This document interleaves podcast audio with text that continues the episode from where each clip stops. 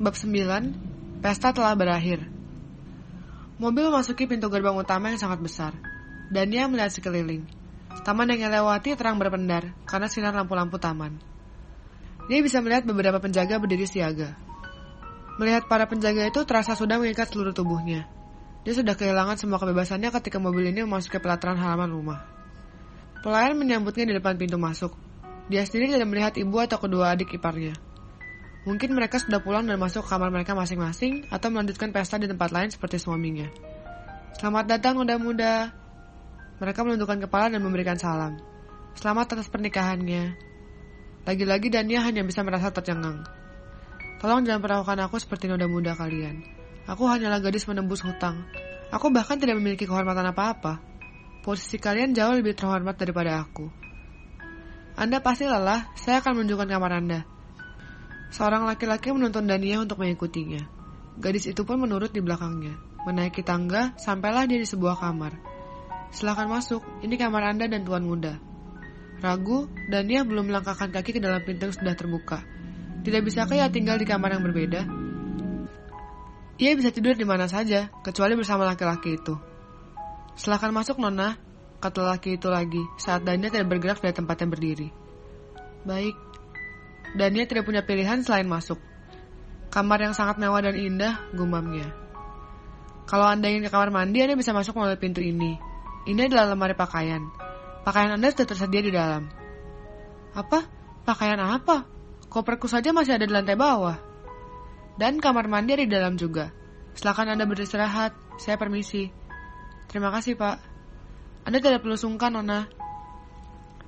Ketika pelayan itu sudah keluar dan dia menjatuhkan tubuhnya ke atas sofa, lelah. Menghela nafas panjang.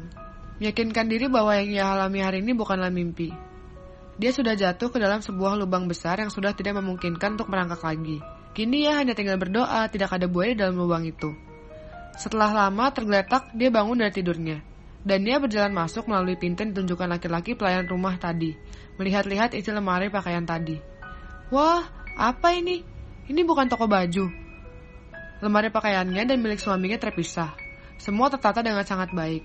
Pakaian yang ada di lemarinya semua adalah pakaian baru. Dia mengambil satu setel pakaian tidur, lalu masuk ke kamar mandi untuk berganti pakaian. Dia sangat lelah. Dan dia mencari-cari selimut di dalam lemari. Dia menemukannya. Lalu mengambil bantal di atas tempat tidur dan berjalan ke sofa. Kursi besar inilah yang akan menjadi tempat tidurnya. Tidak perlu menunggu lama, dia sudah terlelap. Sementara itu di sebuah pesta. Sekretaris Han duduk tidak jauh dari Saga. Ia sedang memeriksa pesan di HP-nya. Nona muda sudah sampai di rumah dan masuk ke dalam kamar. Setelah membaca pesan itu, ia kembali memasukkan HP ke dalam saku jasnya. Tuan Saga, bagaimana? Apa Anda menyukai pesta pernikahan Anda? Seorang teman sekaligus pengusaha muda berbicara. Saga menunjuk gelas minumannya. Wanita yang ada di sampingnya sigap mengambil. Dia menyerahkan gelas itu ke tangan Saga dengan hati-hati. Saga tidak minum alkohol, jadi walaupun di ruangan ini yang lainnya minum alkohol, dia hanya minum minum dingin. Kenapa kau tidak menikah saja kalau kamu tahu rasanya? Malam semakin larut, gelak tawa di mana-mana. Saga menyentuh rambut wanita di sampingnya.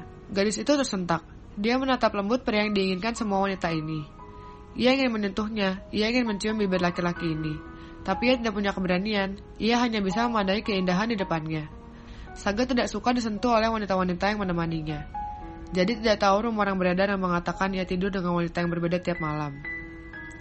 Karena kenyataannya, wanita-wanita yang menghiburnya hanya bisa duduk di sampingnya, mengambilkan minumannya, menemaninya tertawa. Itu saja.